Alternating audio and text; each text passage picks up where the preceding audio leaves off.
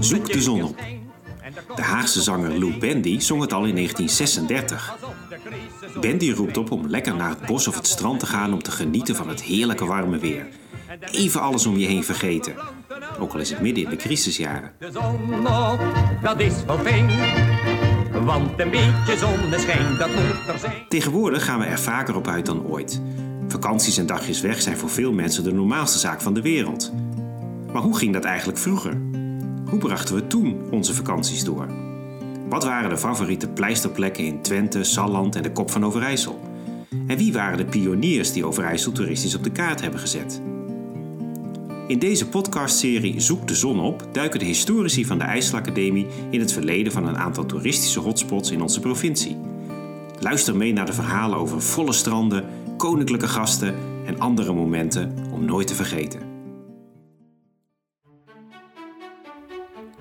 In deze vierde aflevering bezoekt historicus Marco Krijnsen een populaire plek in de Twentse natuur, het Lutterzand.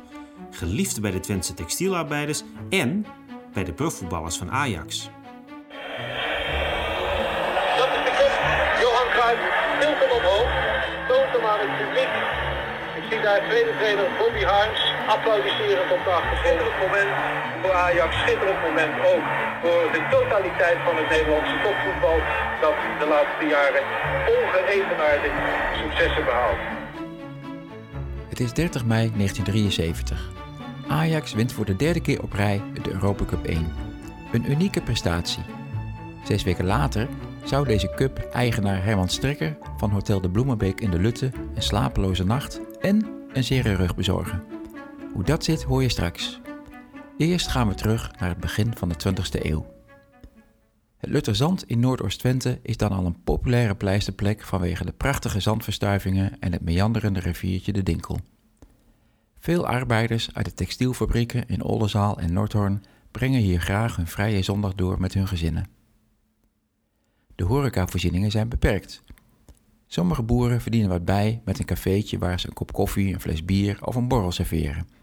Dat geldt ook voor de familie Morsink, die in 1904 een boerderij aan de Beuningenstraat in de Lutte heeft overgenomen. De zaak loopt zo goed dat de Morsinks in 1924 ook een pension openen. De Bloemenbeek, de naam verwijst naar de beek die uitkomt in de Dinkel.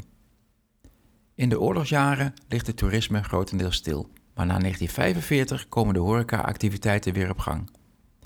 De zussen Leida en Dini Morsink runnen het café, terwijl broer Jan zich ontwerpt over het boerbedrijf. Het overlijden van Leida maakt aan alles een eind. De boerderij met horeca wordt verkocht aan Herman en Leni Strikker uit Denenkamp. Die beginnen met hun pasgeboren kinderen Madeleine en Raymond aan een nieuw avontuur. Uh, ze hebben dit in 66, 1 april 66 zijn ze hier naartoe gegaan. Ik was net een jaar en een maand. Mijn zus was net uh, drie, we drie weken ervoor geboren. Ja, uh, ook dat moest allemaal, ging allemaal gewoon door. Zwangerschapsverlof en zo. Dat was toen werd anders naar gekeken dan nu, heden ten dagen. Uh, ja, en eigenlijk zijn we hier opgegroeid. Mijn vader heeft de eerste drie jaren nog gewoon doorgewerkt bij Holland Signaal. En die ging dan in de weekenden mijn moeder helpen. En mijn moeder deed door de week de zaak. En in de weekenden dan samen. We horen Raymond Strikker, de huidige eigenaar en gastheer van Landgoedhotel de Bloemenbeek. Opvolger van zijn ouders die in 1966 met het bedrijf begonnen. Raymond vertelt over de eerste jaren van het toen nog bescheiden hotelletje Herman en Leni Strikker ontpoppen zich in deze beginperiode al snel tot een ambitieus horecapaar. Uh, 68 heeft mijn vader besloten helemaal te blijven, de hele stap te wagen, volledig in diepe. Toen hebben ze de vijf pensionkamers wat vernieuwd en vijf kamers erbij gebouwd boven de voormalige boerderij, waardoor ze op tien kamers kwamen. Tien of elf kamers was het toen in die tijd. Met toen nog een, een badkamer, uh, één centrale badkamer, voor die tijd heel luxe, op de gang voor alle, eh, alle eh, kamers. Het waren toen kleinere kamers met wel een waschtafeltje al. Dat was dan al heel luxe. Maar je mocht op één badkamer. Dat kan ik me ook als kind nog herinneren. Dat wij ook af en toe één keer in de week mochten wij ook in bad. dat, dat soort eh, herinneringen gaan dan allemaal naar boven komen. En de plek zit, ik weet dat plek nog precies. Mijn ouders hadden niet voor ogen wat er nu staat. Die waren eigenlijk in eerste instantie, dat past ook bij de tijdsgeest denk ik wat meer, om ja, in je bestaan te voorzien. Daar was iedereen mee bezig. We waren allemaal grote gezinnen na de oorlog, nieuwe welstand. Om zelf een plekje te veroveren en onafhankelijk te zijn. Ik merkte een drang naar onafhankelijkheid. En men dacht van, ach ja, iedereen krijgt meer welstand. Het Lutterzand ligt hierachter met het Dinkeldal, wat een heel belangrijk toeristisch gebied altijd is geweest. Daar gaan veel mensen naartoe. Dus de, de, de burger, de middenklasse, die ging uit eten. Dus ze dachten, dan kunnen we ook halve haantjes serveren en schnitzels. En ja, daar was ook geld voor. Mensen kregen meer vrije tijd, meer geld te besteden, de middenklasse. Dus men heeft daar gewoon op ingehaakt. En men had ook nog steeds die kamers. Die kamers in het seizoen was extra. En het eten erbij, dat hielp ook door de slechte periodes heen. Want ze moesten altijd wel een gemengd bedrijf zijn. Je kon niet alleen maar hotel zijn of alleen maar pension zijn. En uh, dat was weer te mager en te beperkt. Dus het ging altijd gelijk op hier met heerlijk eten en drinken. Mijn moeder was trouwens een fantastische kok, kokin. Die heeft er ook heel lang volgehouden. Heel smakelijk, dat gaf ook een verschil. En mijn vader was een heel goed gastheer. Meestal zie je het andersom. maar hier ging dat op deze manier. Uh... Hotel de Bloemenbeek is in de beginperiode op de maandagen gesloten. Dus ook op die dag, in het voorjaar van 1973, dat drie heren op de stoep staan. Herman Strikker is gelukkig thuis en doet open. Het blijken drie Ajaxiden te zijn, onder wie trainer Stefan Kovac en assistent Bobby Harms. Ze hebben een vraag. Of het hotel in de zomer de A-selectie een week lang kan ontvangen voor een trainingskamp. Strikker realiseert zich niet meteen wat dit betekent. En het grappige is dat mijn vader op dat moment nog helemaal in de veronderstelling was dat het een jeugdselectie was. Want hij vroeg op een gegeven moment van, god, hoe oud zijn die jongens dan? Ik denk, straks breken ze me de boel af. Ja, zei Bobby Harms toen de woorden van, ja, hoe oud is Cruijff, hoe, hoe oud is Keizer? En toen viel hij bijna per douche van zijn stoel af. Dat hij het, het, grote Ajax ontvangen. Dat, dat was helemaal aan hem voorbij gegaan. Want hij was alleen maar bezig met A-selectie. En dan denk je bij junioren A-selectie. En niet van, uh, van het grote Ajax, zeg maar, op dat moment. Op 9 juli 1973 is het zover.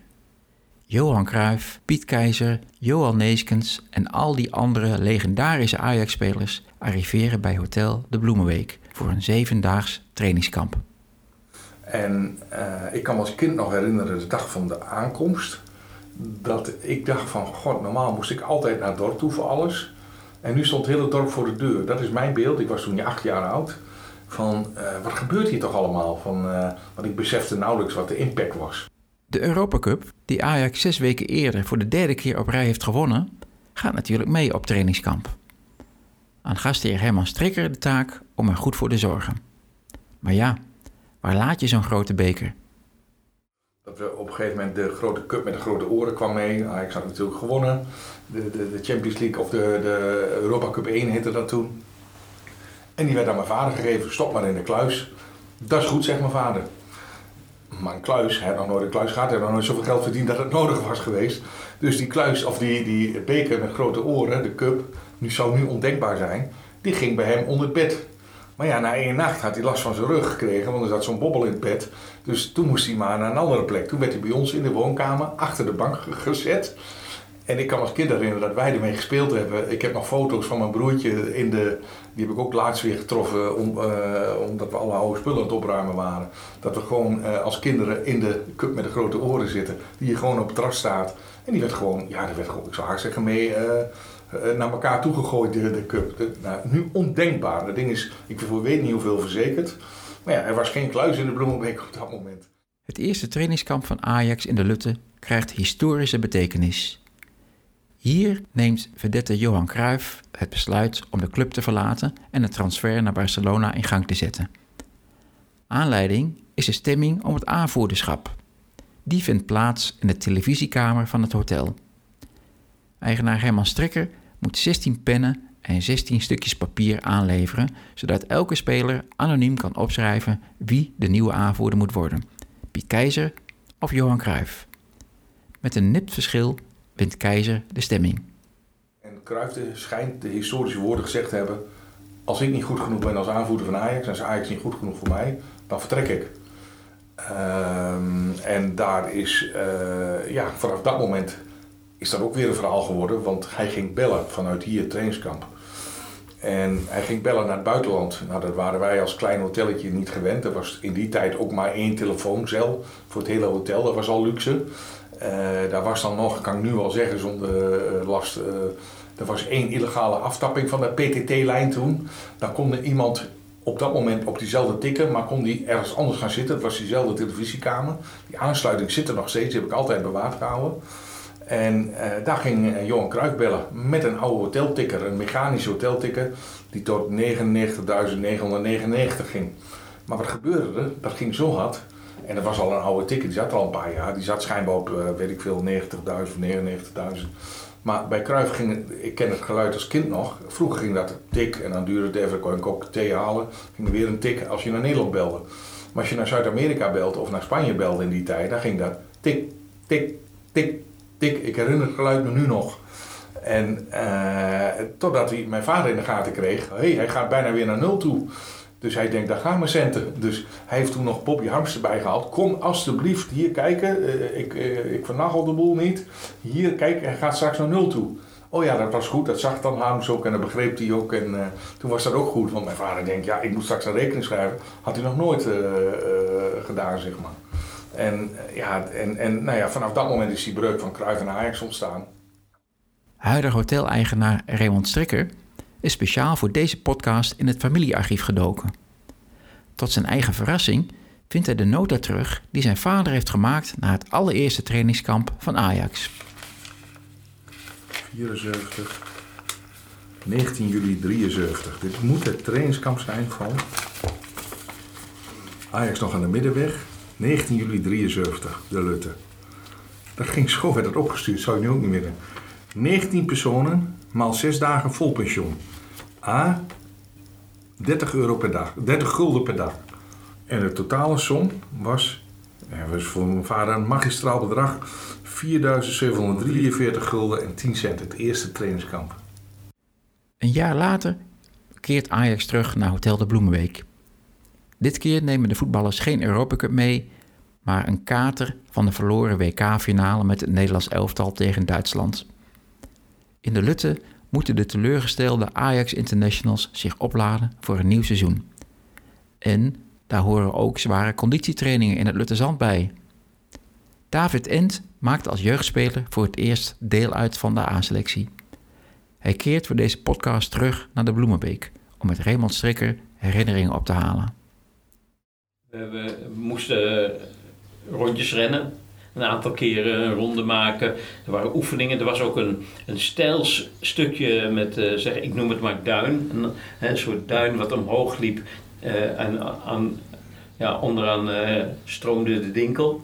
En daar begonnen we dan. En dan moest je twintig keer op en neer naar boven met iemand op je rug sprinten. En dat was een onderdeel van die oefeningen van, van de ochtend. Daarna weer een rondje en dan liepen we terug. Uh, ik weet nog, mijn, uh, mijn vaste trainingsmaat was Ruud Geels. Die was die, die zomer gekocht. Uh, spits, die het heel goed deed bij Ajax. En wij hadden ongeveer hetzelfde gewicht. Alleen ik was 4 kilo kwijtgeraakt. Die was eigenlijk veel te licht. Ik denk dat ik toen 65 kilo was. Niet meer, 64, 65 kilo. Maar als je als jonge speler mee mag met het eerste, is elke dag elke training is een finale. Weet je, je geeft alles, meer dan alles, want dit is de kans om je waar te maken. Dus je gaat over je limieten eigenlijk heen, ongemerkt. Eh, dat begon dus in, de, in die ochtend. En na die laatste loop kwamen we hier altijd terug. en dan was, uh, uh, als wij dan binnen druppelden, dan stond Gerry Muren, dat was een loopwonder, die stond al, zeg maar bij de, bij de bar. Bij, en die, had een kopje koffie. Die dronk op zijn dode gemak een kopje koffie, terwijl wij eigenlijk helemaal gebroken binnenstrompelden. En hij stond alsof er helemaal niets aan de, aan de hand was. Hij had het afstand eh, in recordtijd weer afgelegd en stond hij dat kopje koffie te drinken. En dat rondje van, uh, van Lutterzand zal ik dus niet snel vergeten. Het duin op met een speler op mijn rug. En uh, altijd tekort aan slaap. Daar maakte die, dat kleine kamertje. Zouden nu jongens, ook jongens van jonge leeftijd, zouden zeggen: oh, moet dat nou? En zo. Wij waren één blij dat we er waren. En als we eenmaal op iets lagen wat op een bed leeg, vielen we in slaap. je, ook als er een half uur maar was tussen een ontbijt en, uh, en een bespreking, weg. kwam altijd slaaptekort. Voor David Ent staat de Bloemenbeek synoniem voor zijn debuut in het grote Ajax. Tijdens een van de oefenwedstrijden tegen de Asser combinatie is het zover. Trainer Hans Kraai roept tegen Ent dat hij zich warm moet lopen. En ik, ik zag gewoon erin komen. En het, het spookte door mijn hoofd. Ik, de, ik, automatisch stap je uh, van de bank, je gaat je warming-up doen en zo. Maar je denkt, het gaat hier, gaat iets gebeuren. Dat kan haast niet. En toen werd ik gewisseld en ik werd gewisseld voor Piet Keizer.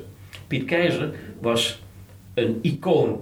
Toen al was het een icoon. Later is het nog groter geworden, die mythe rond hem. Maar hij was echt een van de grote spelers van Ajax. En Piet Keizer, daar had ik platboeken van gemaakt thuis. Die heb ik nog steeds. Die, eh, had ik foto's van hem verzameld, artikelen. Piet Keizer was iets bijzonders. Die, die ontsnapte eigenlijk aan, aan elk model van, van de voetballer.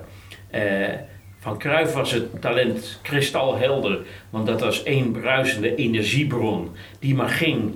En eh, dat was spectaculair, dat kon je niet missen. En Keizer had iets mysterieus, had iets magisch. En ik mag erin komen en ik speelde, op een, ik speelde rechtsachter, er waren wisselingen en hij speelde linksbuiten. Maar toch, het feit was dat hij van het veld afging en ik ging erin.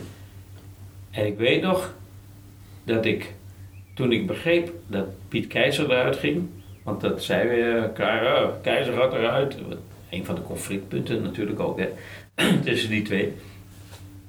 En uh, toen dacht ik, dit is eigenlijk heiligschennis. Dit, dit zou niet mogen. Dat een simpel voetballetje als ik in het veld komt voor deze grootheid. En ik weet ook nog, ik doe de eerste twee, drie stappen het veld in. En hij komt er langslopen en hij geeft... Keizer gunde mij geen blik waardig. Niet zo van een succesjongetje of wat dan ook. Die was met zijn eigen verhalen bezig. En ik voelde dat ook niet als vernederend of als miskenning of wat dan ook. Ik was alleen maar bezig om in het veld te gaan. Met een kloppend hart van... Ik ben nu Ajaxiet. Ik ben nu speler van het eerste elftal er mag niet iets fout gaan. Zulke dingen. Maar ook dat, dat uh, ja, zit nog zo helder in, in mijn hoofd. En de euforie die het teweeg brengt. En dat je op de terugweg naar Hotel Bloemenbeek zit. En je overpijnst van wat er allemaal is gebeurd in de, in de voorgaande zeg maar drie, vier weken. Dat het echt is alsof het een droom is. Die je meemaakt. En dan bijt je en pijn denk oh, het is echt. Voor David Ent is zijn eerste trainingskamp met Ajax in de Lutte een onvergetelijke herinnering. Van de aankomst in het hotel tot het vertrek naar Amsterdam. Wat ik ook niet zal vergeten is het vertrek. De bus uh, rijdt voor, uh, we stappen in en iedereen is eigenlijk doodop en blij om weer naar huis te gaan. Want het is een, een zware week geweest, iets meer dan een week geloof ik, ik denk acht of negen dagen. En iedereen snakte weer om naar huis te gaan. Dat had ik niet, want ik dacht, dit mag mijn hele leven zo duren. dit, in, dit paradijs wil ik altijd zijn. En, uh, maar die, zeg maar die international zeker, die dachten, nou, lekker naar huis. En we stappen die bus in en uh, die chauffeur je moet je voorstellen, in die tijd, A1 begon geloof ik bij Utrecht ergens in de buurt of bij Zwolle. Dus we hadden eerst een, een provinciale weg en die duurde maar met veel stoplichten erbij. Voordat we echt een aansluitende snelweg kregen. En eigenlijk vanaf het eerste moment ging eh, John Rep, die uh, zette zich naast zijn chauffeur. En die had twee stapeltjes met bankbiljetten. Uh, een stapeltje met uh, eh, 100 uh, eh, van 100 gulden en een stapeltje met 25. Dus in Amsterdam noemen we dat geeltjes. En, en, en 100, dat heet een meijer. Dus hij had één stapeltje met meijers en één stapeltje met geeltjes. En hij had een afspraak met die, met die chauffeur. Dat, en ik zat nogal vrij voorin, dus ik kon horen wat hij zei.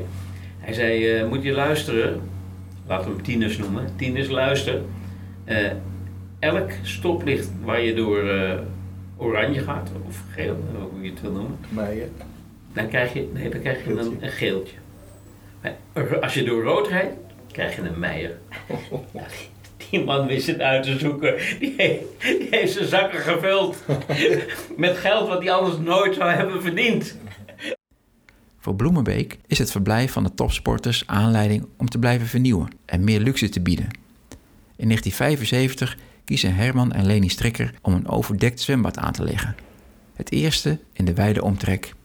De discussie ging midden 70 jaren, 75, 76, van gaan we nu uitbreiden met een zaal met kegelbanen of gaan we uh, tien luxe hotelkamers met een zwembad eronder zetten. Maar er had nog niemand in Twente een overdekt verwarmd zwembad. Je had alleen het golfslagbad van Boekelo. Dat was een buitenbad. Twente aan zee was dat een beetje. Of, uh, dat was dan wel heel bekend. Maar er was nog geen enkel hotel in Twente, geheel Twente, wat een, een zwembad had. En mijn vader heeft letterlijk aan de keukentafel gezet. Ik was toen een jaar of elf. En wij vonden het helemaal fantastisch als kinderen. Want toen hoorden we hem zeggen van, ach ja, op zijn Twents. Loop maar de, de, de kamers met het zwembad doen, op zijn Twents. Maar, want uh, een zaal met kegelbaan, dat hebben ze overal al. Uh, oftewel, dat hebben ze overal. Als je doet wat iedereen doet, dan wordt het zo druk daar in die markt. Achteraf waren het gouden uh, woorden. En hij zei ook altijd van, er komt niemand per ongeluk naar de Lutte of de Bloemenbeek. En althans niet genoeg om goed van te bestaan. Dus je moet altijd zorgen dat je iets extra's doet, iets beters doet. Dat gasten A komen, maar B ook terugkomen. Als tevreden gasten en ook nog een beetje als ambassadeur weggaan. Als je dat lukt, heb je altijd een boterham. Aan het begin van de jaren 80 zit het Nederlandse voetbal in een dal. Het bezoek van voetbalselecties aan de Bloemenbeek neemt af. Voor het hotel is dat niet meteen een ramp, want de trainingskampen vormen slechts een relatief klein deel van de omzet. De toeristen en het bedrijfsleven weten inmiddels dankzij de voetballers de Lutte steeds beter te vinden. In 1987 koopt Strikker grond bij en breidt hij het hotel uit tot 62 kamers. Een gewaagde investering van maar liefst 3 miljoen gulden, die ertoe leidt dat Raymond en zijn zus Madeleine actief worden in het bedrijf. Ja, uiteindelijk zijn wij ook heel snel, mijn broer, mijn zus en ik, uh, teruggekomen in het bedrijf, omdat het eigenlijk wel een beetje uit de hand liep. In die tijd had je nog een weerinvestering of een weerafrekening, waardoor je wat subsidie kon krijgen als je ging investeren. Was slechte economie geweest. Dus we hebben een heel pand neergezet, maar het liep allemaal uit de klauwen. Uh, ik loop zo een paar ton in guldens uit. En dat is voor een klein familiebedrijf heel veel. En het was voor ons erop of eronder. En ik kan me herinneren dat wij ook zeiden tegen elkaar als familie, weer aan diezelfde keukentafel van, oké, we zijn met z'n vieren. We vinden onszelf niet de meest improductieve medewerkers. Hè. We, lopen een keer zo snel hard en we lopen nooit met lege handen terug. Dus eigenlijk zijn we al acht mensen bijna vergeleken met de gemiddelde medewerker. En we kunnen ook een keer zo lang werken. Dus eigenlijk hebben we twaalf medewerkers. Als we nou met die instelling als familie met z'n vieren, mijn ouders leefden toen nog, beginnen, dan moeten we deze uh, lastige situatie van uh, uitlopende investeringen, geldtekort, moet je op kunnen lossen. En dat hebben we de eerste anderhalf, twee jaar gedaan. En toen hadden we ook al heel snel in de gaten dat het goed liep. En dan kun je heel langzaam personeel aannemen, medewerkers extra aannemen. En toen zijn we in die tijd gegroeid van 10, 12 medewerkers naar de huidige 70, zeg maar, nu in, uh, in dit jaar. Het is niet alleen Ajax dat daarna de weg naar Hotel de Bloemenbeek weet te vinden. Ook andere topvoetbalteams uit de hele wereld strijken graag neer in de Lutte. Van Club Brugge tot Bayern München, van Barcelona tot Oranje. Ook het nationaal team van Qatar komt langs. Een verblijf dat Raymond Strikker niet snel zal vergeten. En die kwamen met een hele koffer met geld, want die moesten nog betalen. Ja, dat kwam allemaal goed. Ik denk, dat zal wel goed komen. Dus dat, uh, ook een Nederlander achter Co Adriaans was daar toen trainer. Ook weer zo'n oude Ajax-trainer die over de wereld zwerft en toch af en toe terugkomt. Was ook altijd een grote Bloemenbeek-ambassadeur. Uh, uh, maar dan word je betaald. Nou, dan word je in één keer 25.000 gulden of zo. krijg je in contanten, gloednieuwe biljetten. En dat moet je dan in één keer, dan zit je daar in één keer met dat geld. En denk je, oh, dat moet ik naar de bank brengen. Nou, de bank had in die tijd net een nieuwe wet op de wet ongebruikelijke transacties. Dus die moesten kritisch kijken waar de herkomst van het geld was. Dat ik moest zeggen van, hey, hier komt dat geld even brengen. Ik heb een voetbalteam uit het buitenland en noteer maar vast even. Volgende week, eind van de week kom ik nog een keer met zo'n bedrag. Uh, want ik zag die koffer met geld liggen. Ik denk, nou, dat ging allemaal contant in die tijd nog. Ajax blijft 50 jaar lang tot op de dag van vandaag een vaste gast van het hotel. David Ent, die na zijn eerste trainingskamp in 1974 vanwege een blessure zijn voetbalcarrière moest opgeven, keert in 1997 terug als teammanager en maakt tot 2013 alle trainingskampen van Ajax in de Lutte van nabij mee. Samen met Raymond Strikker bekijkt hij de foto's door de jaren heen. Bekende namen passeren de revue. Dus Wesley Snijder, Klaas-Jan Huntelaar, en eh Heitinga. Heitinga, Klaas-Jan is, eh, ja, Ronald voor een persconferentie. hey, eh, in een filosofische Buiten. pose. Ja. Mooie foto's allemaal. Co Adriaanse Ja. in, de, in een persconferentie. Oh, persmoment. Ron de Rijk, die is zo helaas Ja. overleden, die verslaggever. Henk ten Katen. Dat was met de Wesley-periode toen. Ja. De Lutte is in Amsterdam inmiddels een begrip. Voor David Ent gaat het zelfs verder dan dat. De Bloemenbeek is een deel van zijn leven geworden. Weet je, ah, we hebben een, een aantal jaren gehad. Dan kwamen we met de bus kwamen we uit Amsterdam en dan gingen we de Beuningerstraatweg op. En dan ging je die hoek om en aan de rechterkant had je een boerderij en dan hadden ze een groot spandoek. Welkom Ajax. Ja, klopt. Weet je, zulke dingen zijn voor mij veel meer waard dan ik, weet niet hoeveel geld of wat dan ook. Denk ik, ja kijk, dit is thuiskomen. Zoek de zon op is een podcastserie over toeristische pioniersplekken in Overijssel. Deze aflevering is gemaakt door Marco Krijnsen namens de IJsselacademie en Twentehoes. Begeleiding Katinka Beer, Albert Bartels en Martin van der Linden. De podcastserie is mogelijk gemaakt door de provincie Overijssel. Vond je deze podcast leuk? Laat dan een beoordeling achter zodat anderen hem ook kunnen vinden of deel hem op je social media. Wil je meer podcasts van de IJsselacademie in Twentehoes horen? Zoek ons dan op in je favoriete podcast-app. Bedankt voor het luisteren. Zoek de zon op, dat is wel fijn. Want een beetje zonneschijn, dat moet er zijn. Staat wel aardig zo'n mahoniehouten huid. Maar als je boter op je hoofd, dan blijft er dan maar liever uit.